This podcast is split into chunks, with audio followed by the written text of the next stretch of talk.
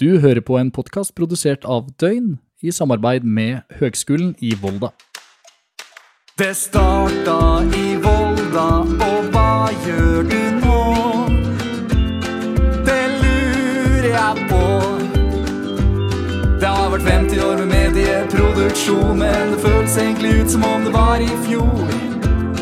At det starta i Volda. Dagens eh, gjest er et av de største navnene innenfor norsk film.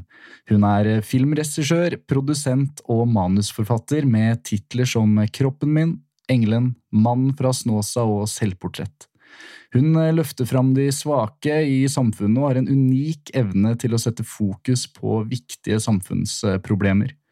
Det starta i Volda, og nå har hun hele fire Amanda-priser for beste dokumentar i sekken. Hjertelig velkommen til deg, Margret Olin. Takk skal du ha. Det var greit, det, eller? ja da, det var Det hadde passert faktasjekken, det der. Så det går fint. hvordan, eh, hvordan, står det til? Jeg skjønner at du sitter i, i Oslo? Mm. Ja, nei, Vi er jo pålagt nå Det har vært nye innstramninger i forhold til korona. Pålagt eh, hjemmekontor. Så nå sitter jeg i gamlebyen, der som jeg bor, sammen med min yngste datter. Eh, og så eh, ja, skal vi jo helst ikke møte folk heller. Så ja, så der møter på Zoom og Teams og litt stusslig egentlig. Men de siste par-tre dagene så har det vært fin sol i Oslo, så da ja. tar jeg et avbrekk midt på dagen og kommer med ut. Jeg har skjønt eh, min, min mor Hun sitter hjemme i, eh, i, i Elverum på sånn hjemmekontor, og hun sier jo at fordelen er jo nettopp den Eh, den turen du kan ta midt på dagen. Mm. Ja, og det, det, det, er jo fint å, å, gjøre det. De som går på ski, eh, bruker jo marka flittig nå. Jeg, jeg, jeg la skia på hyllene jeg flytta fra stranda, dessverre. Jeg har stått litt slalåm etter det, men det blir altfor sjelden. Men eh, jeg går ofte ned til fjorden, da. Eh, og det er fint. Ja, du savner kanskje fjorden fra barndommen på Vestlandet? Ja, jeg gjør egentlig det. Eh, man savner jo både fjell og fjord. altså sånn Rent naturmessig eh, så har jo Oslo-området ingenting å stille opp med i forhold til Sunnmørsalpene og ja, i det hele tatt naturen hjemme. da. Men jeg reiser jo ofte opp igjen, så da går jeg i fjellet med min far eller uh, er mye mer ute når vi er der oppe. Men på somrene så Vi har hytte på en øy i Oslofjorden. Da, så flere måneder av året så er vi jo egentlig bare ute her. Det er jo helt fantastisk. På en øy i Oslofjorden, vet du, det høres ut som en uh, drøm for meg. Jeg har så lyst til å en dag eie en hytte ved havet, og en øy høres jo enda bedre ut, da. ja, det, det, er helt uh, uslåelig. Altså, Oslo ble noe annet for meg når jeg ja, begynte å være på øyene i Oslofjorden. Uh, man ser liksom en helt annen side av byen. Da. Jeg er jo veldig glad i Oslo av mange grunner, men um, ja, da, det er jo det at man bor i en storby, og så har man både fjorden og marka så tett på. Da, og da er vel jeg mer knytta til fjorden enn jeg til marka. Nettopp. Men eh, siden du eh, er fra Stranda, altså da var det vel ikke altfor langt da når du skulle reise til Volda? Var det, var det der du var eh, når du valgte å søke deg til eh, Volda? Vi får begynne å nærme oss litt eh, tiden din i Volda nå. Ja, ja jeg, jeg gikk jo gymnaset på Stranda og hadde jo bestemt meg tidlig egentlig, når jeg gikk på barneskolen, at jeg skulle bli historieforteller. Men eh, det var jo ingen i min familie eller rundt meg som drev med film, så det var liksom ikke noe som jeg tenkte på. Jeg trodde mer at jeg skulle bli forfatter eller journalist eller sånn. Eh, men på den tiden så var det jo sånn at man skulle ha veldig høyt snitt for å komme rett inn i Volda fra gymnaset. Og så jeg tok da et grunnfag i Bergen på universitetet i medie- og massekommunikasjon først. Også fordi at jeg ville kjenne litt på det å studere på universitet og komme meg litt bort hjemmefra. Lengta jo over fjellene når jeg var ung. Um, og da tok jeg det grunnfaget, og så søkte jeg meg til Volda da etter det. Og kom inn der, og gikk først to år da på film og TV, som, som det het da. Og så fikk jeg mitt første barn når jeg var 21 år, som andreårsstudent i Volda. Og så reiste jeg ned til Oslo og tok X-Fill på kveldstid og var mamma på dagtid. Og så reiste jeg opp igjen til Volda og tok påbygningsår i dokumentar. da. Så jeg har jo tre år i Volda. Og det var, det var siste året at du spesialiserte deg på det med dokumentar og gikk den linja? Mm, det var det. Nettopp. Altså, det høres jo ut som en uh, veldig spesiell studietid, da, det med at du også fikk barn midt uh, i her. Mm. Ja, det var det. Altså, jeg syns jo det å være student uh, var en fantastisk tid på alle måter. og ja, og ser på det som noe av det beste livet har å gi. Da. Det er jo liksom noe med den kunnskapen du tilegner deg. Det er mye man kan miste, man kan ha, gå på mange tap i livet, men den kunnskapen du tilegner deg, kan på en måte ingen ta fra deg. Og det jeg opplevde at Volda-tida gjorde for meg, det var at på en måte det jeg hadde gått og kjent på hele tiden, at jeg hadde et veldig sånn formidlingsbehov. Og det å få nøkler til hvordan jeg skulle klare å formidle, få ut historiene mine både gjennom skrift og da gjennom et kamera. Um, og få den tiden og det rommet som vi hadde, for vi, vi var veldig frie, opplevde i den utdannelsen. Det var jo helt fantastisk. Og da i tillegg liksom å ha kjæreste og få barn. Og ja, jeg, jeg, hadde jo hest også, så jeg var ikke en sånn jeg var ikke en typisk student. Det var jeg nok ikke. Uh, ja, jeg var en ung mamma med ambisjoner etter hvert da om å bli filmskaper. og hadde hest og brukte vel pengene mer på kraftfôr og strømregninger enn jeg gjorde på kroa. for å si det sånn. Jeg syns det er godt å høre at det eh, ikke nødvendigvis bare trengte å være altså, eh, rølp og ståing på bord og fe hard festing, liksom. Her, du, du, du, snakker om, eh, om, at du hadde hest, eh, fant kjærligheten. Altså, mm. Men var det, var det, tidlig at du fant han, da, eller? Kjærligheten? ja, han fant jeg i Bergen, på studiet der. Per fra Drammen. Mm, det var sånn første dagen på studio, og jeg satt der, jeg kjente ingen og var litt sånn forkommen eh, budeie fra Sunnmøre, på en måte. Satt der på forelesningssalen og hadde måttet spurt meg frem til forelesningssalen og hadde liksom alt i orden. Og Jeg var en sånn type flittig student, jeg har kanskje alltid vært en sånn flittig, flittig type. Og satt der med liksom arket frem og penner i forskjellige farger. Og så kom Per sprettende inn, og han hadde en stresskoffert hvor det står radiomotor på. Eh, og var sånn veldig blid og energisk. Og så hoppa han opp på et bord og så sa han at eh, vi skal vel i løpet av liksom, den dagen her velge festkomité, og jeg tar på meg rollen som festsjef. eh, og jeg, jeg kom jo liksom fra ikke sånn rånekultur på Stranda, men nesten. Så selv om jeg var en flittig student også på gymnaset, eller sånn, så ja, man har, jo, man har jo festa sin bit på stranda, de som har vokst opp der, det vil jeg nå påstå. Så det var liksom noe kjent med den væremåten. Så da kom Per og satte seg ved siden av meg og sa du ser ut som en som har liksom kontroll på tingene som jeg setter meg her. Og så, og så ble det oss da etter et halvt år, og så kom vi inn begge to samtidig da i Volda. Det var ja. planen også. Og så ja, hadde ikke vi gått der så lenge før vi da skjønte at vi var med barn. Så, Nettopp. Så da ble jo litt av studiehverdagen snudd på hodet ganske tidlig inn i første året ditt? Mm, det ble det. Og, men jeg hadde et sånt uh, fint svangerskap, egentlig. Så det som jeg gjorde når jeg skjønte at vi skulle ha barn Og vi hadde jo bare menn som lærere på fagseksjonen der.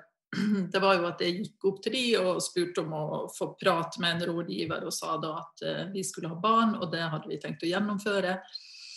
Eh, men at jeg kom til å føde sånn rett inn i jula i andre året. Eh, og, det var jo eksamenstid, og sa det at hvis det var mulig om jeg kunne få utsatt noen av eksamenene på nyåret. Og det fikk jeg. Så jeg hadde vel eksamen da, sånn muntlig eksamen eh, når Maria var fire uker ca.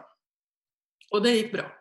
Da, det, da, hadde jeg og Per muntlig eksamen sammen, for vi hadde gjort en film sammen. Og så gikk eh, Rikard Kongstein, som også har gått i Volda, han gikk utafor vinduet og trilla Maria, sånn at jeg så henne og hadde liksom kontroll. da. Så han gikk bak sensorene og trilla baby mens eh, vi ble forhørt. Men det gikk, det òg. Det er helt utrolig. Eh, jeg har, jeg har lest at, at um, på stranda så jobba du på en kafé som gjorde at du ble veldig interessert i mennesker og fascinasjonen for uh, mennesker. Når var det du Du sa du starta tidlig med den fascinasjonen som har liksom ført deg uh, til å bli den filmskaperen du er i dag, da? Mm.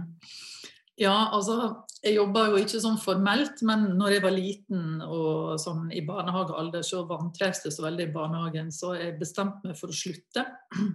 Og foreldrene mine de eh, jobba på Stranda handelslag, som var liksom eh, en stor butikk som lå midt i Stranda sentrum, og hvor alle i bygda handla. Og i andre etasjen der så var Grand Café som, og Emma, som var ugift og ikke hadde barn, som hun hadde drevet liksom i en mannsalder. Hun var jo da en forretningskvinne og var veldig dyktig og drivende i så måte. Så, og på den tida så var det jo mye fabrikker, møbelfabrikker og andre fabrikker i Stranda sentrum, og de spiste jo hos Emma. Eh, hun hadde jo liksom 80 fabrikkarbeidere som spiste hos henne hver dag. Og når jeg da slutta i barnehagen, så hadde jeg avtalt med Emma, fordi begge mine foreldre jobba, at jeg fikk lov til å være hos henne. Eh, og det fikk jeg. Og da ble jeg liksom Strandas yngste kafédame. Da var jeg vel fem år. Så da fikk jeg lov til å servere eh, og, eh, kaffe og wienerbrød. og det var jo mange veldig gode historiefortellere. Og femåringen som etter ble altså Etter hvert så eh, Jeg ble jo eldre også de første årene der før Emma ble pensjonert. da. Men selv etter hun ble pensjonert, så bodde hun i det samme huset i tredje etasjen. Vi bodde i den ene enden og hun i den andre så var jo hun en slags nyhetssentral i Stranda, og alle kom til henne med sine historier. Så jeg var veldig liten og fikk høre mye i forhold til hvor ung jeg var. Ja. Som da forblei mine og Emma sine hemmeligheter, men som ga veldig mye eh, kraft til en sånn livlig fantasi. Og som jeg har brukt seinere i historiene mine, for de gjorde jo sånn uslettelig inntrykk, så jeg har ikke glemt det, som jeg ble meddelt da rundt i kafébordene. Du fikk høre mye rart, altså? Mm, jeg gjorde det. Om voksenlivet, om festlivet, om arbeidslivet, om slektsgranskning. sånn, ja, hva har hun gjort nå, og hvem er hun i slekt med, og måten man snakker på der oppe. Men, eh, men, mest av alt så var det vel det at eh, at Emma hun kunne ta imot Whisky-Per, som hadde det kallenavnet fordi han brukte mye av tida si på å drikke whisky, eller prestefrua. Um, altså hun gjorde ikke forskjell på liksom høy og lav, og hun hadde plass til alle rundt sine bord. Det var den der verden i miniatyr. Å få lov til å være i midten av det, uh, det var egentlig et helt fantastisk sted å være som liten. Da. Og det der og at man liksom jeg likte jo best å være sammen med voksne folk eh, og ha mine arbeidsoppgaver og få lov til å utføre de da. Du må ha vært et eh, ganske altså jeg vil si et spesielt barn. barn. Du fikk jo også oppleve spesielle ting, og det her eh, satt jo virkelig fyr på historiefortelleren i deg. Mm. Ja, det gjorde det. Og sånn at når jeg, jeg husker når jeg lærte meg å lese og skrive, det gjorde jeg liksom Jeg lærte meg å lese rett før jeg begynte på skolen. Og når jeg begynte å skrive den der opplevelsen av de første setningene som jeg satte på papiret Det er ikke så lenge siden mamma sa at hun hadde rydda noe på loftet, og så hadde hun funnet noen av disse bøkene mine. Og, hun, og, da begynte vi å snakke om det, og da kunne hun huske at jeg gikk ut når f.eks. hvis de slapp ut lammene på våren. Mm. Så gikk jeg over huset vårt der, og så satte jeg meg på en stein og så med hansker på, og så satt jeg og skrev hva jeg så da og prøvde å virkelig beskrive det sånn i detalj. Og så kom jeg til henne og så viste det fram. Og det at det liksom sto bare to-tre setninger, for jeg hadde jo liksom ikke Jeg kunne jo ikke ordentlig å skrive ennå. Men den der opplevelsen av at tanken jeg hadde, og måten jeg opplevde det jeg så på, at det fantes på trykk, det var liksom noe som uh, berørte meg veldig sånn. Det var som å ha en hemmelighet. Det var liksom at Når andre folk holdt på med ting jeg ikke var interessert i, så kunne jeg bare skrive ned noe, og så fantes det i verden. Og hvis jeg skrev noe som var veldig sånn fantastisk eller fantasirikt, og sånn, så fantes det også, da. Det, det har jeg liksom hatt med meg alltid. Ja, du verden. Og det her tok du eh, med deg til Volda, da, og selvfølgelig brukte i tiden din her og, og lagde prosjekter og og møtte folk her også som du sikkert ble inspirert av? Mm. Ja, absolutt. Og det var jo um, Jeg søkte meg inn på avis, så, for det var jo det jeg trodde. At jeg liksom skulle skrive, og så kom jeg inn på avis. Så, men så hadde vi jo sånn omvisning for alle de Altså radio og TV og filmlinjer også. Og så hadde jeg gått der noen dager, og så gikk jeg opp og, til liksom, på fagseksjonen der og spurte om jeg kunne få lov til å skifte linje. Og det fikk jeg, For det var nettopp den der tanken på at ok, skrive det kan jeg videreutvikle, jeg kan lese og jeg kan øve meg på å skrive, men det å lære meg et håndverk og det å lære meg liksom, å uttrykke meg gjennom bilder, det må jeg på en måte få testa ut. Og da var det sånn at allerede etter andre oppgaven, for vi fikk én oppgave hver uke, og så skulle vi liksom vise det i plenum og skulle evalueres, så kjente jeg på sånn der dyp lykke over at liksom måten jeg opplevde å være i verden på, at det var enda lettere for meg å uttrykke det gjennom bilder enn det var i skrift. da. Så det var nesten som å lære seg å skrive på nytt. Og så, det var sånn um, ja, jeg var nesten helt sånn euforisk i det der å gjøre de første oppgavene. Og så holdt vi på en stund videre, og da var det en av lærerne som kom til meg og så sa han at liksom ja, jeg ser jo at du har litt sånn eget prosjekt, du, på en måte. Du ikke, løser ikke oppgavene sånn som de andre gjør helt. Og, men du får bare holde på. Jeg vet ikke om jeg er i stand til å evaluere det du driver med, men bare, du får bare utvikle din stemme. Og det at en lærer liksom sa det i stedet for å si nei, du må levere et tre minutters nyhetsinnslag eller et sant, 90 eh, sekunders nyhetsinnslag til neste gang, det var jo veldig avgjørende for meg. Så jeg jobba veldig lite med nyheter. Jeg, jeg, lagde små filmer egentlig fra dag én. Ja, hva slags uh, Dette er jo det jeg uh, driver med egentlig akkurat nå, med de oppgavene du snakker om. Jeg er jo bare et halvt år inn i første året. Men mm. hvordan var det du løste de oppgavene på din egen måte, da? Nei, det kunne være liksom at sant, vi fikk en oppgave, og så tolka jeg den veldig sånn på min måte. At jeg kanskje dro til et verksted og så spurte jeg kan jeg få lov til å sitte her og observere dere. Og sånn, og så sa de ja ja, hvis du syns det er en bra måte å bruke dagen din på, så får du nå gjøre det.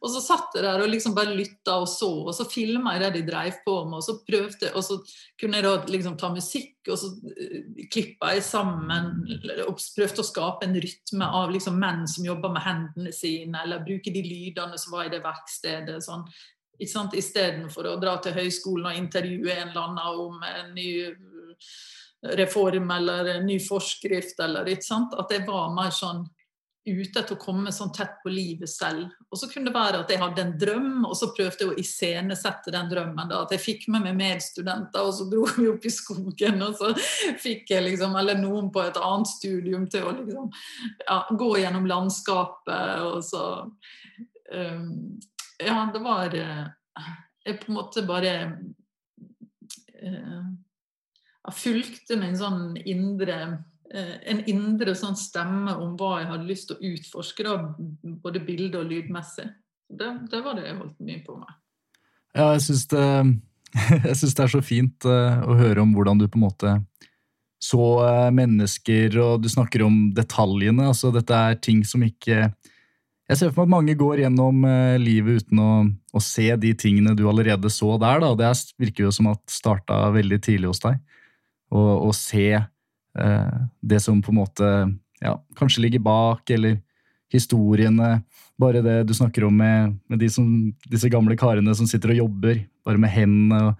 Ja, det er så mye Det er så mye vi ikke vet om eh, folk. Mm. ja, veldig. Og jeg husker jeg gjorde en sånn eh, Det var noen eldre folk som Det var sånn eldrekafé borte ved Samfunnshuset der, jeg vet ikke om det fortsatt er. Men så hadde de sånn en dag i uka hvor de dansa. Og så gikk jeg bort dit og snakka med de, og så fikk jeg lov til å filme at de dansa. Og de, ordentlig eldre folk, da, men de var så veldig veldig sånn glad. De var så smilende. Så, så jeg lagde en film bare med sånne smilende ansikter. Og så at vi bare følger de rundt med kamera, og så ser vi liksom ikke kroppene, men ja. Og så skjønte man etter hvert at de dansa. Ja, så sånne, sånne, studier, det, det, holdt jeg på med. Og det var veldig fint å drive med. Ja, det skjønner jeg, og nå har jeg jo sett uh, Vi skal komme litt tilbake til det, uh, tenkte jeg, mot slutten her. eh, i samtalen i dag eh, angående filmene dine. Eh, som eh, jeg nå har eh, brukt no en ukes tid på å komme meg gjennom. Eh, det virker som at det starta altså allerede her, da.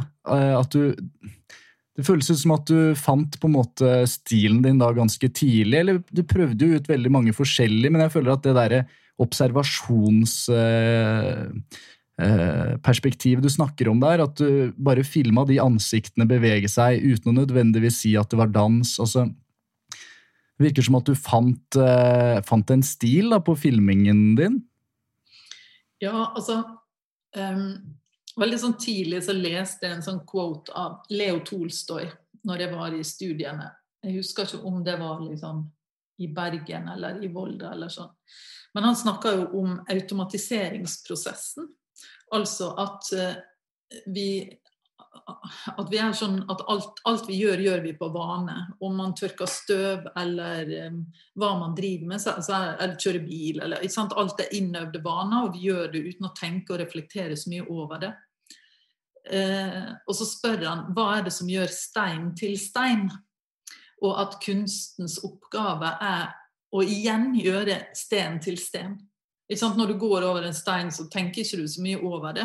Når jeg gjør noe, uansett om jeg da filmer en stein eller et menneske som har anoreksi, så prøver jeg hele tida å komme bakenfor, altså å se noe kjent på en ny måte. Eller om det er min egen kropp, og kvinner som har liksom lavt selvbilde fordi de er kritiske til egen kropp.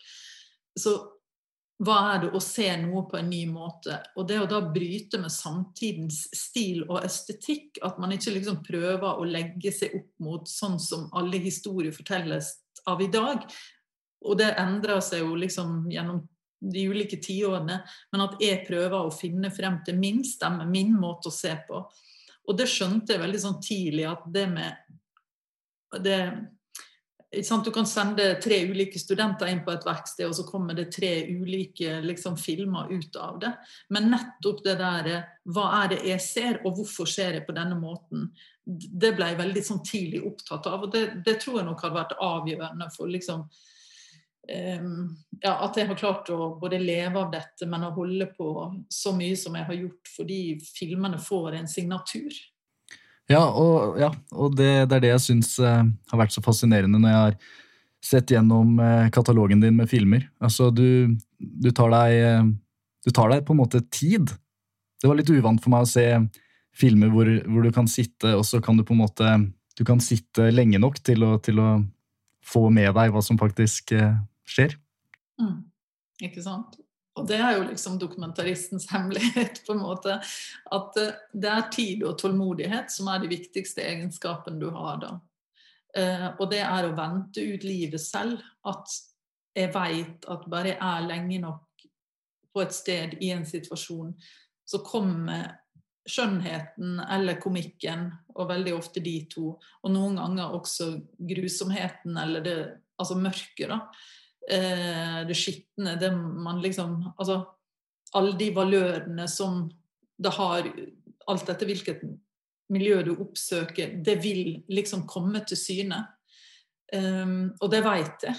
Og derfor så gir jeg meg tid. Og det å liksom ha tidens utstrekning og la um, Vi har mista tidsopplevelsen på den måten av at vi tar med oss barna i butikken, og så kjøper vi en pakke fårepølse, og så aner ikke de hva som skal til for å produsere den fårepølsa fra det dyret blir født, og det blir mata, det blir liksom satt inn i en kulturtradisjon, i et fjøs, det er mennesker der, det er liksom det er omsorg, det er eller det er det motsatte i forhold til hvordan dyreholdet er, eller slakteri. Altså det er liksom det hele utstrekninga i de små tingene som vi har en sånn automatisk måte å tenke på ting på.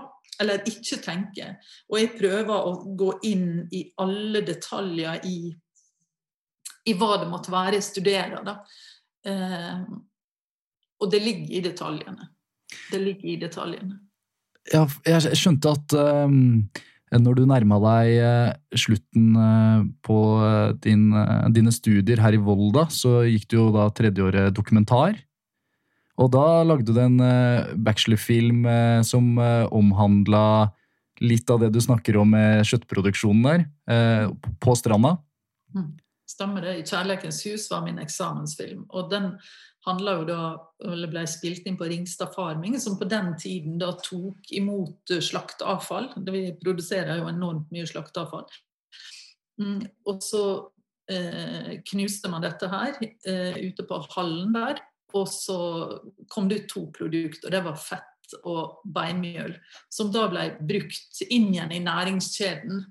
Og det syns jo jeg var veldig rart. at man i de der knusende konteinerne så putta man liksom alt fra kjæledyr når folk dro på ferie, til dyr som hadde omkommet i, på beite i skauen, eh, til eh, sel og alt som kommer fra slakteriene som man ikke benytter i matproduksjon.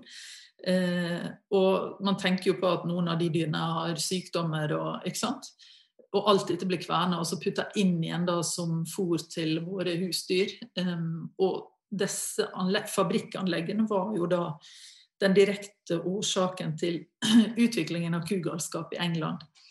Eh, sånn at, men min film er jo da et portrett av de fire gutta på gulvet som jobber der.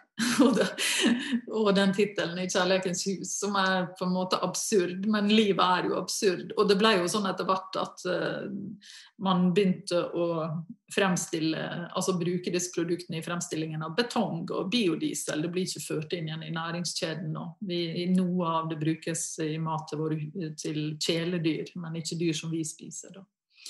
Så, eh, og at man sorterte avfallet før man fremstilte liksom, de produktene. Så ja. ja det, det, er jo helt utrolig å høre om at uh, Altså, for en jobb for de fire karene. Ja, sant. Mm. det var da din første film, eller? Altså, ja. Mm, det var det. Første film med en viss lengde på. Jeg hadde jo laga disse kortfilmene, da, mm. 'Kjærlighetens hus' var vel liksom 36 minutter, tror jeg den var. Så den, og så var den i Grimstad, på festivalen der, og det ble veldig mye oppstyr rundt den filmen i Grimstad. Den var liksom Hva er dette her for slags film, og hva er dette for, her, for slags blikk, liksom? Uh, og ja, Så den ble mye diskutert, og den fikk ikke noe pris, men folk, filmskapere da, som var en del eldre enn meg, og som hadde vært i Grimstad i mange mange år, de lagde en sånn privat uh, prisutdeling på en fest, og så sa de at um, 'Kjærlighetshus' var den beste filmen, og så ble den anmeldt i Morgenbladet og fikk en helt fantastisk anmeldelse som var sånn De som bekymrer seg for norsk films fremtid, trenger ikke bekymre seg lenger, liksom. Uh, og det, Den filmen da, fra Volda den gjorde jo at jeg fikk støtte til å lage mine to første filmer, som var 'Onkel Reidar og De mjuke hendene'. Så jeg gikk liksom rett fra eksamensfilmen til å skulle lage min første helaftens dokumentarfilm på kino. Før vi eh, går dit, jeg gleder meg til å høre om, eh, på en måte, for nå nærmer du deg jo Ja, eh, altså du har tatt steget eh, ut og vekk fra Volda. Eh, men bare litt til på studenttilværelsen din uh, i Volda. Husker du hvordan en uh, vanlig uh, uke utfolda seg i, i, i Volda? jeg skjønner jo at det ble jo en litt annerledes hverdag med tanke på at du fikk barn såpass tidlig, og, men, og, og hest, som du nevnte. Hvordan, hvordan, ja. hvordan gikk det her opp? Mm. Jeg hadde um, Fidel i Omdalen uh, mellom liksom mm, Volda og Ørsta hos en som heter Hans Haugen. Eh, han hadde og løpshester. Fidel, min hest, en hvit araber, han hadde jo gått løp på Øvrevoll, og jeg kjente liksom hans fra tidligere tider da. Eh, eh, så jeg hadde hesten der. Så en vanlig uke for meg i Volda, hvis det er før jeg ble mamma, da, så er jo det å være som studenter flest. Da var vi jo på fester, og vi var mye ute, hang med de andre studentene. Jeg var jo Det var ei jente som var ett år yngre enn meg, som jeg tror kom rett fra gymnaset. Og så var vi vel to som da hadde, kom året etterpå, men de fleste var jo litt eldre enn meg. Så jeg var ung og jeg var ganske sjenert, og jeg likte ikke å prate i forsamlinger og sånn. Så um, ja, jeg var litt sånn sky. um, men uh, når um, jeg fikk Maria så, uh, og ble mamma, så var jo en så hadde vi en med oss da, EOP. Vi hadde en med oss på forelesning. Vi hadde en med oss når, når vi filma. Eh, og med det samme hun var født, så sto Og hvis, hvis vi satt i auditoriumet, så, så sto begge ved siden av meg og la jeg opp sånn at hun så på de to timene. Um, og så dro vi på stallen og fora eller rei, og fra Maria var veldig liten. Jeg stolte jo veldig på Fidel. Og så hadde jeg henne med meg foran i salen, og så gikk luffa han rundt i skogen. Um, ja, og så diskuterte vi jo selvfølgelig film fra vi sto opp til vi la oss da, jeg og Per. Og, um, ja. Han har jo jobba i NRK, etter, han har jobba med TV. da. Men som bilder fra den tiden der, så er det sånn at jeg kan sitte med Maria på, på dukkfilmer, og da at hun sitter på fanget mitt og, og maler, f.eks. Og så sitter jeg med boka her oppe og leser til eksamen over hodet hennes. Så det var jo sånn eh, ja, vi gjorde det som måtte til. Men var jo, det var jo fint at vi gikk på samme studie, EOP, da. Noen ganger så var den ene sammen med barn også hvis det var noe Maria ikke kunne være med på. Men det var egentlig ikke noe problem for meg å fullføre det studiet. Det var mye jobb, men det gikk bra, det. Det høres egentlig ut som eh, kun en eh, berikelse. Mm. Ja, det var det. Det var det. Og det var jo også noe som Jeg husker når jeg holdt på å klippe 'Kjærlighetens hus', for den er jo litt sånn assosiativt klipp. på en måte, Det er jo litt sånn den der humoren og galskapen som de gutta hadde. Mm. Og, så, og, for å få på en måte mot til å gjøre det, så sitter jeg en dag da hjemme, for vi leide et lite hus på en gård. Eh, og så står Maria liksom på gulvet der og danser. og så har hun masse sånn greier i håret og rundt halsen. Hun var sånn som likte å kle seg ut. Og, og så tenkte jeg at den der galskapen, den, den der frilyntheten, det å bare gjøre akkurat det man har lyst til, og drite litt sånn i konvensjoner og regler, ja. det må jeg bare ta med meg inn i den filmen. Og det gjorde jeg. det er utrolig. Mm. Så um, når du da var ferdig på Volda, du leverte denne eksamensfilmen din, som uh, fikk uh, Altså, den fikk veldig god respons, og den førte videre til at du kunne sette i gang med et nytt prosjekt, og da tok du kontakt med onkelen din? Mm. Det gjorde jeg, og jeg hadde jo egentlig bestemt meg allerede som barn at en dag altså En av grunnene for at jeg ville bli historieforteller, var at jeg en dag ville fortelle Reidars historie. Um, fordi at jeg som barn jeg var veldig knytta til han og glad i han. Og så på et punkt da i min tidlige barndom så opplever hvordan andre mennesker ser på han som at han er fremmed, ikke hører til, farlig. Og min onkel han hadde Downs syndrom. Og, der, og i det øyeblikket hvor det skjer, og han ser hva de blikkene gjør med meg, så sier han husk Margaret, jeg er ikke som alle andre. Og da tenkte jeg du er bedre enn deg, og en dag skal jeg vise deg. Mm. Så det å liksom føle at ok, nå har jeg de verktøyene jeg trenger for å fortelle Reidar sin historie. Og så gikk jeg til mamma og mormor og hørte om de ville være med. da. Eh, så det er på en måte tre generasjoners forhold til Reidar. Eh, og den filmen førte jo til at jeg og Reidar fikk et enda nærmere bånd, fordi at han følte seg så sett eh, gjennom at den filmen ble lagd. og det ja, så det var, var, en veldig veldig fin eller en veldig fin videreføring av Volda-tida. Jeg har det som min første film, da, men jeg spilte inn 'Onkel Reidar' og 'De mjuke hendene' samtidig. Og så klippa jeg først 'Onkel Reidar' fordi det var en halvtimes TV-dokumentar. Og det formatet hadde jeg jo vært borti da med 'Kjærlighetens hus' først. Og så klippa jeg da 'Mjuke hendene' eh, sammen med Helge Billing, som jeg har jobba med siden etterpå. Og så ble den satt opp på kino. Så jeg kom egentlig da med to titler veldig tett på hverandre. Ja, og du var jo fortsatt uh, ganske så ung, eh, og ja, jeg vil jo ikke si uerfaren, altså, men samtidig ganske ny i bransjen? Ja, ja. Det, det var jo mitt møte med bransjen, og så onkel Reidar i Myke endene. Så, uh, for det er jo mange studenter som kommer hjem med eksamensfilmer og sånn, men da var jeg jo liksom out there. Og jeg var jo fortsatt i 20-årene. Uh, og myke hendene og altså begge filmene og vant jo priser da i Grimstad og rundt forbi og 'Mjuke hendene i utlandet og var på store festivaler og fikk fantastisk kinomottagelse, bra besøkstall. Det var liksom jeg husker filmen ble invitert til Yamagata, som er en festival i Japan som avholdes bare annethvert år. Og, der, Ja. og, og da var det sånn at Fredrik Weisman og Errol Morris hadde film samtidig som jeg i samme program, og det var tolv titler. Og det var jo Filmene deres hadde vi sett eh, på studiet i Volda og lest om deres metodikk, og, og det å liksom plutselig være der med sine forbilder, det var jo eh, fantastisk. Ja, det, det tror jeg på. Plutselig så sitter du ved siden av dem. Ja. Det, det var litt rart. Og den, eh, de, de mjuke hendene, den eh, handla om alderdom og norsk eldreomsorg. Mm, det stemmer. Da var det til og fra i et halvt år på et eldrehjem i Sande i Vestfold. Og dette var jo på 90-tallet, og man snakka veldig mye sånn om reform innenfor eldreomsorgen og eh, penger som måtte bevilges, retten til å dusje hver dag.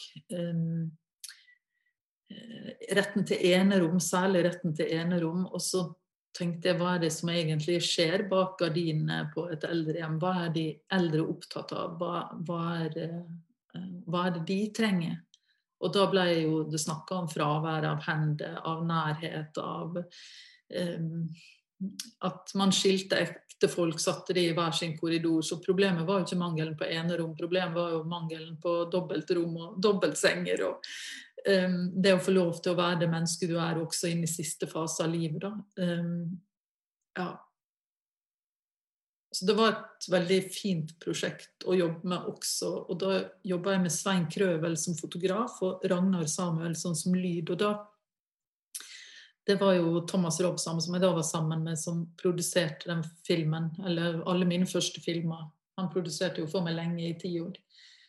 Og, og han sa en ting til meg, og det var at du skal søke å jobbe med de som er liksom mer erfaren og flinkere enn det. Um, og det er noe som jeg har fortsatt å gjøre. At man liksom, når man er ung, at man ikke er så redd for at man er mindre erfaren, og at man ikke blir tatt på alvor. og Kanskje også som liksom ung jente i bransjen, men at man går til de flinkeste og spør vil du fotografere min film. Mm, og opplevde da å bli møtt med en veldig sånn respekt og, og et alvor i hva jeg ønsker å formidle. At det var virkelig et sånt møte, eh, og at det altså at deres bidrag var med på å løfte det jeg skulle lage til liksom ting jeg ikke hadde sett for meg var mulig, egentlig heller. Også.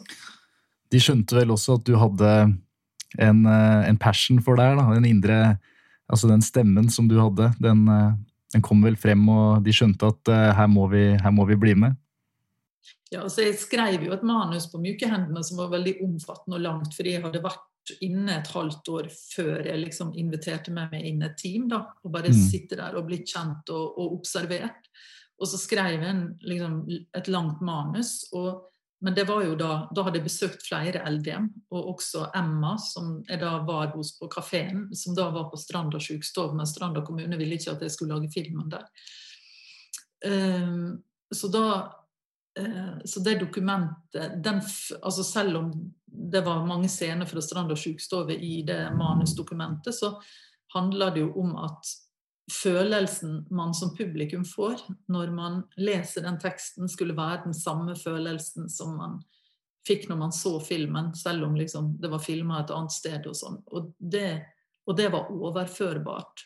Så det er noe med hvor viktig forberedelse er, og hvor viktig det er å finne frem til den stemningen som du vil formidle, og bevare den gjennom opptakene. Og da veit du når du er i berøring med noe som matcher den stemningen, på en måte. da. Uten at du liksom styrer virkeligheten, for det gjør jeg jo ikke. Eh, men, men jeg liksom Jeg er bevisst det blikket mitt, da, på en måte. Veldig spennende det du sier med å ta seg tid. Her satt du da et uh, halvt år uten å filme, da. Mm, det gjorde jeg. Og den tidsperioden, hvor viktig den er for å på en måte Ja, er det, er det en eh, teknikk du bruker øh, til å komme deg innpå? Altså du tar og bruker mye tid sammen med dem, eller det var mer en observasjonsrolle? For det har jeg tenkt på med filmene dine, hvordan du klarer å komme så tett innpå noen av de mest sårbare og, og personlige øyeblikkene i livet. Mm. Det er jo litt sånn forskjell fra film til film. Men du kan si en film som de andre, som handler om enslige mindreårige asylsøkere som fikk tidsbegrensa oppholdstillatelse og skulle sendes ut når de ble 18 år. De eh, var jo da på Salhus mottak utenfor Bergen. Og der gjorde jeg det samme. Salhus besøkte utrolig mange ganger, tilbrakte tid der overnatta der. Eh, gikk turer sammen med de ungdommene, ble kjent med de ansatte og opparbeida en tillit over tid. Og også måtte ha kontrakter med barna eller ungdommene, da, med alle de ansatte, med vergene, med advokatene. Det var liksom et stort grunnarbeid som det tok meg egentlig et år fra jeg bestemte meg til endelig tillatelse ble gitt. da. Og når vi da begynte å filme, så var så var det en person for dem som de allerede kjente. Som gjør at man får en helt unik tilgang. Mens eh, når jeg gjorde 'Mannen fra Snåsa', så jeg dro jeg opp og hadde et par lange samtaler med Jorald, sånn at vi liksom ble litt sånn kjent med de samtalene. Var veldig ærlighet hva jeg hadde lyst å, uh, å få tilgang til. Og og så skjønte han at han kunne gi meg det. Og da, der, så der gikk vi mye fortere på å filme, på en måte. da. Så det er jo Nå har jeg holdt på så lenge at jeg har, kan du si, en noen Altså, det er veldig mange som tar kontakt med meg fordi at de ønsker at jeg skal lage film om de, eller et miljø, eller livet der, eller hva det er. Og i selvportrettilfellet så var det jo Espen som hadde da fulgt Lene allerede i et par-tre år med kamera, som kom til meg med materiale og trengte en regissør og en produsent. Og da hadde jo Lene sett noen av mine filmer tidligere, og hun hadde en oppfattelse om hvem jeg er, og hva jeg kan liksom Ja, hun hadde en forventning om hva jeg kunne gjøre. Ja. Sånn at da trenger jeg ja, hun hadde en tillit i utgangspunktet på bakgrunn av at hun kjente til arbeidet mitt. Og det kan jo da være en fordel som gjør at jeg ikke trengte å bruke så lang tid med Lene før vi begynte å filme. Og du har en troverdighet eh, i det arbeidet du har vist tidligere? Ja. Det, det, det opplever jeg eh, oftere Eller det opplever jeg nå. Det er jeg. Jeg føler at, uh, jeg føler at uh, de, de, temaene du bringer på banen, de filmene du lager, at hvis jeg skulle sett meg selv i, i den situasjonen du er, eh, hvor du lager dette, at det hadde vært lett å på en måte ikke lage det. Eh, det er så tunge og viktige temaer at det nesten virker for meg for vanskelig å, å nærme seg det. At eh, jeg tror veldig mange ikke hadde laga de filmene, heller gått for en annen utvei. Så det jeg egentlig lurer på, er hvordan du klarer um, å putte hele deg inn i disse prosjektene. For det, er jo på en måte de tyngste øyeblikkene i livet som du mm. lyser opp. Ja. Nei, altså det var um, Jeg vil si at de andre var et skille for meg.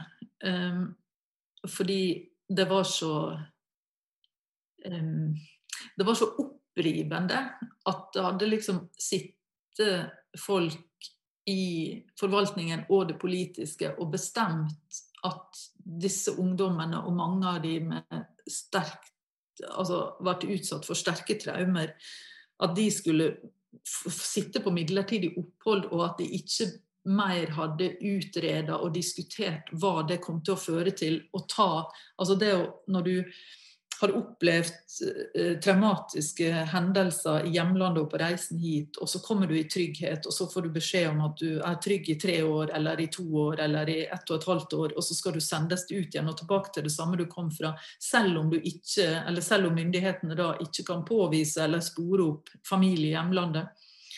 Og det som skjer når man fratar barn og unge mennesker håp, det er jo at de mister evnen til å ta vare på seg selv. Altså, det var mye, eh, det var mye rus, det var selvskading, det var selvmordsforsøk. Det var liksom eh, Og veldig ofte så måtte jeg sette kamera på utsiden av døra og ikke filme og drive med livredning, nesten sånn. Altså både konkret og i overført betydning. og jeg sto der og holdt noen i en arm når jeg kom på besøk som nettopp hadde kutta seg og vaska bort blodet og trygla om å ta dem med til legevakta. Altså, det var liksom Og da, når jeg dro derfra da og så ringte jeg til min mor, som jeg ofte gjør, og jeg gråt. og Jeg var så sint og jeg var så forbanna. Så jeg var jo på mye møter med liksom, altså Dreiv med og jobba opp mot det politiske og gjorde politikerne klar over det. Salhus ble jo også stengt. Mm.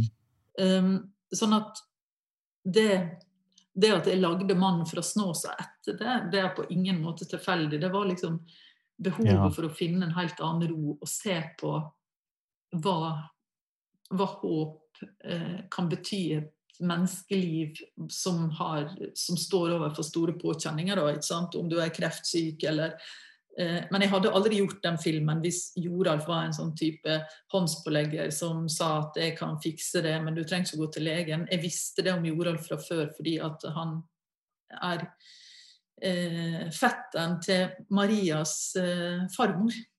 Så gjennom familie Jeg kjente ikke Joralf personlig, men jeg hadde en sånn familieinngang til han, så jeg har hørt om historie om Joralf siden jeg var i 20-åra. Så jeg visste at han jobba veldig ordentlig og redelig, at han sendte folk til legen, at han liksom eh, Ja. Eh, han, han, var det jeg trodde at han var, men det har jo gått så mye rykte om hva Joralf er og ikke er, på en måte. Men det jeg var interessert i å se på, er jo hva som oppstår i det mellomrommet mellom Joralfs ansikt og de som kommer til ham for å be om hjelp av forskjellige årsaker. Og når de blir møtt, når noen har tid til å høre og ikke dømme, men er lyttende og gjennom det åpner opp det rommet sånn at når folk drar derfra, så ønsker de å ta tak i sitt eget liv på en ny måte. da. Eh, fordi at jeg opplevde at de ungdommene på Salhus de ble overhodet ikke møtt. Altså, De ble ikke møtt på noe vis. Og det var eh, Ehm, ja, så jeg trengte å utbalansere det i meg selv, på en måte. Og jeg har jo kontakt med mange av de Nå er det jo unge, uh, unge mennesker i liksom midten og slutten av 20-årene. Jeg har jo kontakt med mange av de fortsatt. Det er jo uh, utrolig mange inntrykk som du, som du, sitter med. Så gjennom uh, filmene dine så finner du altså en balanse fordi du må jo på en måte passe på deg selv midt oppi dette. Du utsetter deg jo selv for veldig mye inntrykk, eh, og det er jo det jeg syns virker så eh, skummelt. Mm. Ja, og jeg har nok kjent mer på det um, etter jeg ble liksom veldig godt voksen. Mm. Fordi at um, for seks, snart seks år siden så ble min kjæreste ramma av et massivt hjerneslag. Eh, sånn at privatlivet mitt ble veldig sånn, krevende. Um, og, har, eh, og, det har på en måte vært en slags sånn kamp og en utrolig sorg. Og det har vært uh, veldig mye å gå igjennom rent emosjonelt. Og det å da eh, når han ble syk, så holdt jeg på med barndom. Og barndom var jo, og sluttføringa på Snåsa-filmen også, Eh, og da hadde jeg gjort det samme som jeg gjorde tidlig i min karriere. At jeg hadde gjort to innspillinger. Jeg filma på Snåsa, samla det materialet. Så filma jeg barndom, så klippet jeg Snåsa, så klippet jeg barndom. Men det at det var akkurat de to filmene jeg jobba med da, de første årene etter at jeg ble syk, det, det var veldig bra. fordi da, da, var det liksom så tungt på hjemmebane. Eh, og jeg var så redd for å miste han, at han skulle dø, for det var så veldig alvorlig. Og det var det over lang tid. da. Eh, så når jeg da liksom gikk inn i klipperommet, så var det liksom en sånn kraft og en styrke og lek og fine ting. Og særlig i barndomsfilmen så er det jo veldig det. Og nesten bare det. At det er liksom lys, da. Eh, men så på et tidspunkt da så kom jo Espen til med å og Lene og da var jeg veldig i tvil om jeg skulle gå inn i det, om jeg makta det og ha liksom, de utfordringene på hjemmebane og samtidig skulle liksom, gå inn i Lenes liv. Og, men jeg valgte å gjøre det fordi jeg så at uh, det kan bli en helt avgjørende film, og, og, opplevde også at det var veldig viktig for henne og familien. Um, uh, men på et tidspunkt så skjønte jeg jo at eh, Lene ikke kom til å klare det, at hun kom til å dø.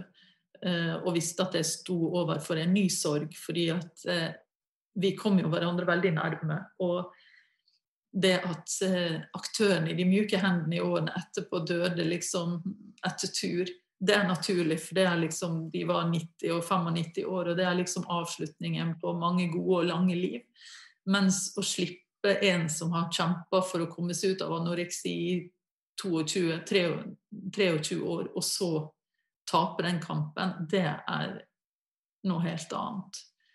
Um, så det har vært uh, noe som er uh, fortsatt på en måte bearbeida. Det skjer jo veldig mye fint rundt selvportrett. Nå er den um, vi har jo en Oscar-kampanje gående nå, fordi at i likhet med tre andre norske dokumentarer, så er den kvalifisert for Oscar. Uh, og eh, den har liksom vært på mange festivaler, og vunnet mye priser ut. Og for hver god ting som skjer med den på den måten, så tenker jeg jo veldig mye på at Lene burde ha vært her og opplevd dette med oss. At hun hadde ikke bare at hun hadde blitt så stolt, og bildene hennes, hennes fotografier er så avgjørende i filmen, men det hadde jeg tror at når du er, er, kronisk syk fra du er barn gjennom hele ungdomstida di, og du faller ut av skolen og du mister vennskap og Du har så mange tapsopplevelser i et ungt liv som de aller fleste av oss er forskåna for å oppleve i slutten på livet. Det hadde hun liksom i tenårene sine. Mens nå når hun er borte, så har det kommet så mange sånne opplevelser som ikke er tap for Len, da, som hadde vært på den andre siden av vektskålen men et eller annet sted så tenker jeg jo at hun følger med likevel. Ja, og den uh, filmen den fortjener å, å bli sett. Mm, ja, den, uh, den, kom jo på kino i, i 2020 i 17. januar, og så gikk den veldig bra på kino, og så kom jo koronaen, men det var mange som rakk å se den, og så har vi jo en litt annen versjon som ligger ute i spilleren på nrk.no, så man kan se den der. En litt kortere versjon. Men så har den jo blitt solgt til mange land, og den har vært på Den har blitt vist mye ute. Så det du, det du sier her, er at um, du setter på en måte noen ganger deg selv litt til side uh, for viktigheten av prosjektet du ser? Ja, det har jeg gjort flere ganger. Det har jeg. Mm. Ja, og det, det, respekterer jeg veldig. Det, det er, må være tøft å stå i. og det er jo en grunn til at jeg leser, eh, leser ting om deg som at du er en, eh, en eh, Hva skal man si En samfunns... En stemme i samfunnet. Og det må jo være, det må være fint, men også tøft. Og de filmene de har i hvert fall berørt meg veldig, og jeg kan si at Altså, jeg er Ja, hvor gammel er jeg nå? Jeg er 23 år. Og ved å se de filmene så har jeg tatt med meg noe, noe nytt. Mm. Ja, men det er fint. ja. Men hvordan er studietiden for deg i Volda? da? Hva, hva, gjør du? Hvordan ser en uke ut på det? Altså, dette her handler jo om eh, deg, Margret. jeg blir nysgjerrig, da. Nei, altså det er, så, det er, ikke så, langt unna det du uh, snakker om. Jeg har ikke hest. Nei. Jeg har ikke funnet kjærligheten enda. Jeg tror jeg skal vente med barn. Mm. Men uh, det jeg, det jeg, tar med meg veldig fra som sagt, filmene dine, fra, fra, den samtalen her, det er noe jeg også har tenkt på fra jeg var liten. Det, det er måten du snakker om hvordan du, du ser mennesker. Og det, det, skal jeg huske på nå i studietida mi her. Eh, som, som, består av eh, prosjekter, eh, lage filmer, lage, lage musikk. Eh, gjøre, gjøre den podkasten som jeg gjør her nå, er jo en del av min reise. Mm, ikke sant. Det er jo skummelt å skulle ringe opp deg og uh, prate med deg om alt dette, men samtidig så, så, er det ikke så skummelt når vi sitter her. Nei, sant. Og det er bra. Jeg er ikke så veldig skummel. Nei, absolutt ikke. når vi snakker om det, da, har du et Altså, det jeg, det jeg tenker nå, er at hvis jeg skal lage en, en film eh, nå i Volda jeg, jeg, har sett for meg et lite konsept med, med en bruktbutikk her nede. Og der jobber det frivillig en fire-fem eh, pensjonister. Og de jobber der eh, frivillig. Gjennom hele koronaperioden så sto de med munnbind og tok imot studenter. Og det, det driver de med hver eneste dag med, med gjenbruk, eh, og selger brukte produkter til oss. Eh, hvordan, hvordan, ville du, hvordan ville du gått på en slik dokumentar? Fordi på samme måte som, som du har snakka om, eh, at vi ser alle disse historiene, men hvordan lage, hvordan lage dem? Og det, det jeg har skjønt allerede nå, er jo at jeg burde ta meg tid.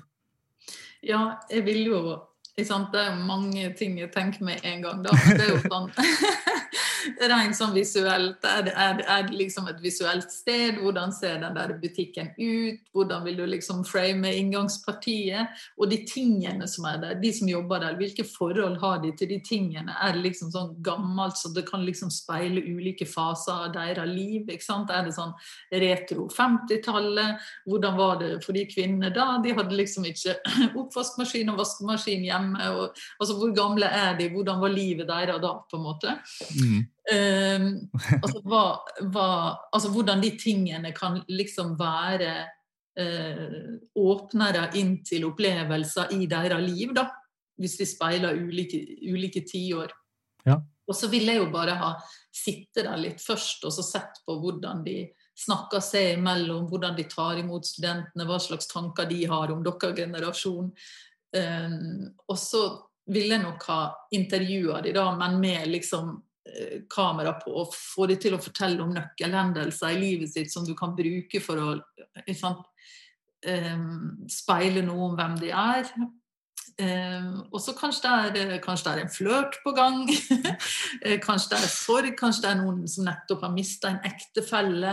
Altså, Hvorfor er det så viktig for dem å gå dit? Hva slags strabaser har de for å komme seg dit nå når det er sånn is og glatt? og Um, eller skal du og, og, rammene, ikke minst når du lager en eksamensfilm, du har begrensa med økonomi, kanskje rammene er liksom veggene i, uh, på den butikken. Sånn at uh, altså Kanskje er du bare inne og ser ut.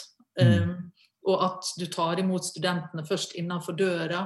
Altså Pålegg det sånne rammer som, gir, som er med på å Det at du avgrenser rommet gjør også at du kan gå inn i detaljene på en helt annen måte. Ikke sant? Da er liksom detaljene i det som er på veggene der, eller liksom eh, Eller på lageret, eller Ja. Det, det, får en annen betydning, da. Ja, dette er jo gull. ja, det var bare sånn Ja, det, det, er mange ting man kunne snakka om her, men det er jo Men se på de menneskene som om ingen har sett dem før, og se på de tingene som om ingen har sett dem før. Ikke sant? Um, ja. Ja, dette, altså, dette, skal jeg ta med meg, for jeg, jeg har tenkt på det siden jeg starta her. Vi dro inn dit eh, inn på butikken og kjøpte kunst for å pynte opp litt eh, på litt eh, tvilsomme hybelleiligheter rundt om. Mm. Så de damene sto jo klare og, og, og, solgte ut kunsten til en billig penge. Og jeg skal ta med meg det du sier her, altså. Og se, og se, de derre ja, De tingene som ikke man ser hvis man ikke tar seg tid. Mm. Absolutt. Ja. Mm. Jeg blir inspirert. Um, før vi nærmer oss slutten av den samtalen her, det her har vært uh, Det har vært veldig givende. Har du har du, et, eh, har du, et, tips til eh, Jeg pleier alltid å spørre om det til slutt. Om du har et tips til, eh, til meg som førsteklassing, som er et halvt år inn i studietida i Volda? Nå har ikke jeg helt oversikt over liksom, lærerkreftene der oppe, men eh, ikke vær redd for å spørre om ting du lurer på. Ikke vær redd for å liksom eh, gi av deg selv på den måten av at du prøver ut ting og tester ut eh, Uh, ulike sjangre, ulike måter å fortelle på. Vær personlig. liksom Eh, Gjør ting som du syns er for pinlig. Test ut dette med Man sier at liksom, du kan være personlig, men du skal, kan ikke være privat. Jo, man kan være meget privat, men det må kommunisere ut. Men liksom nettopp ved det å teste ut de tingene um, altså Hvordan får man noe som er veldig privat, til å ha en allmenn gjenklang, f.eks. da Eh, at, at, du forsker litt i fortellermåter. Eh, og det å bruke seg selv og ikke være redd for det, det er også viktig i forhold til at du senere som dokumentarist skal gå inn i andre menneskers liv og hvis den filmen du lager skal bety noe, så krever det at man både som forteller, men de som medvirker, tør å være litt utleverende uten at det skal liksom koste for mye. Men å teste ut litt de grensene. Eh, og det å jobbe med å få tilgang når dere filmer, at dere liksom skriver kontrakter med de som medvirker, og sier at eh, når dere klipper det, så får de lov til å se igjennom. Og hvis det er Mm. noe hvor de føler seg støtt, så kan dere ta det ut, men at ikke begrensningen ligger mens dere filmer, sånn at du får mest mulig tilgang, så du har et så rikt materiale å jobbe med som mulig, men at de som da er foran kamera, føler seg helt trygge på at de blir ivaretatt. Og gjør for all del det. Vis det til dem før du viser noe offentlig eller andre steder, på en måte. da. Så Det handler om tilgang og tillit veldig mye, det å jobbe med dokumentar. Ja, Det høres ut som et veldig godt tips, da, det du sier der. ehm, Og det skal jeg, det skal jeg huske på. Ikke nødvendigvis begrense eh, dokumenteringen, Nei. men heller eh, ha det som en slags avtale at vi trenger ikke å ha med alt det vi filmer nå, men vi, vi får med alt, og så kan vi heller se på det etterpå. Mm, absolutt. Absolutt. Mm. Nei, så bra. Ehm, Da gjenstår det egentlig bare for meg, eh, Margaret, å takke så mye for at du hadde lyst til å stille opp i, i denne samtalen. Og som jeg nevnte i stad, jeg, har, eh, jeg har lært utrolig mye av filmene dine, og bare den samtalen her, den, eh, den kommer jeg til å, til å huske. Så bra. Ja, men du får lykke til videre på din reise. Så får du nå ta kontakt, kanskje, når du er ferdig i Volda. Så får vi snakke sammen hvis du trenger noen tips når du skal ut i bransjen. Vet du, det, det vet jeg at jeg kommer til å trenge. Mm. Men så, så utrolig hyggelig. Eh, Hva, hva, hvor går reisen videre for deg nå? Det er eh, strenge restriksjoner i Oslo. Ja, det er det. Jeg er i utvikling med en ny helaftens dokumentar, så jeg venter på svar fra eh, NFI om vi får støtte videre. Eh, okay. Det tror jeg vi er. Eh, så, har jeg, og, det, og så jobber vi med internasjonal finansiering på det prosjektet. Ja.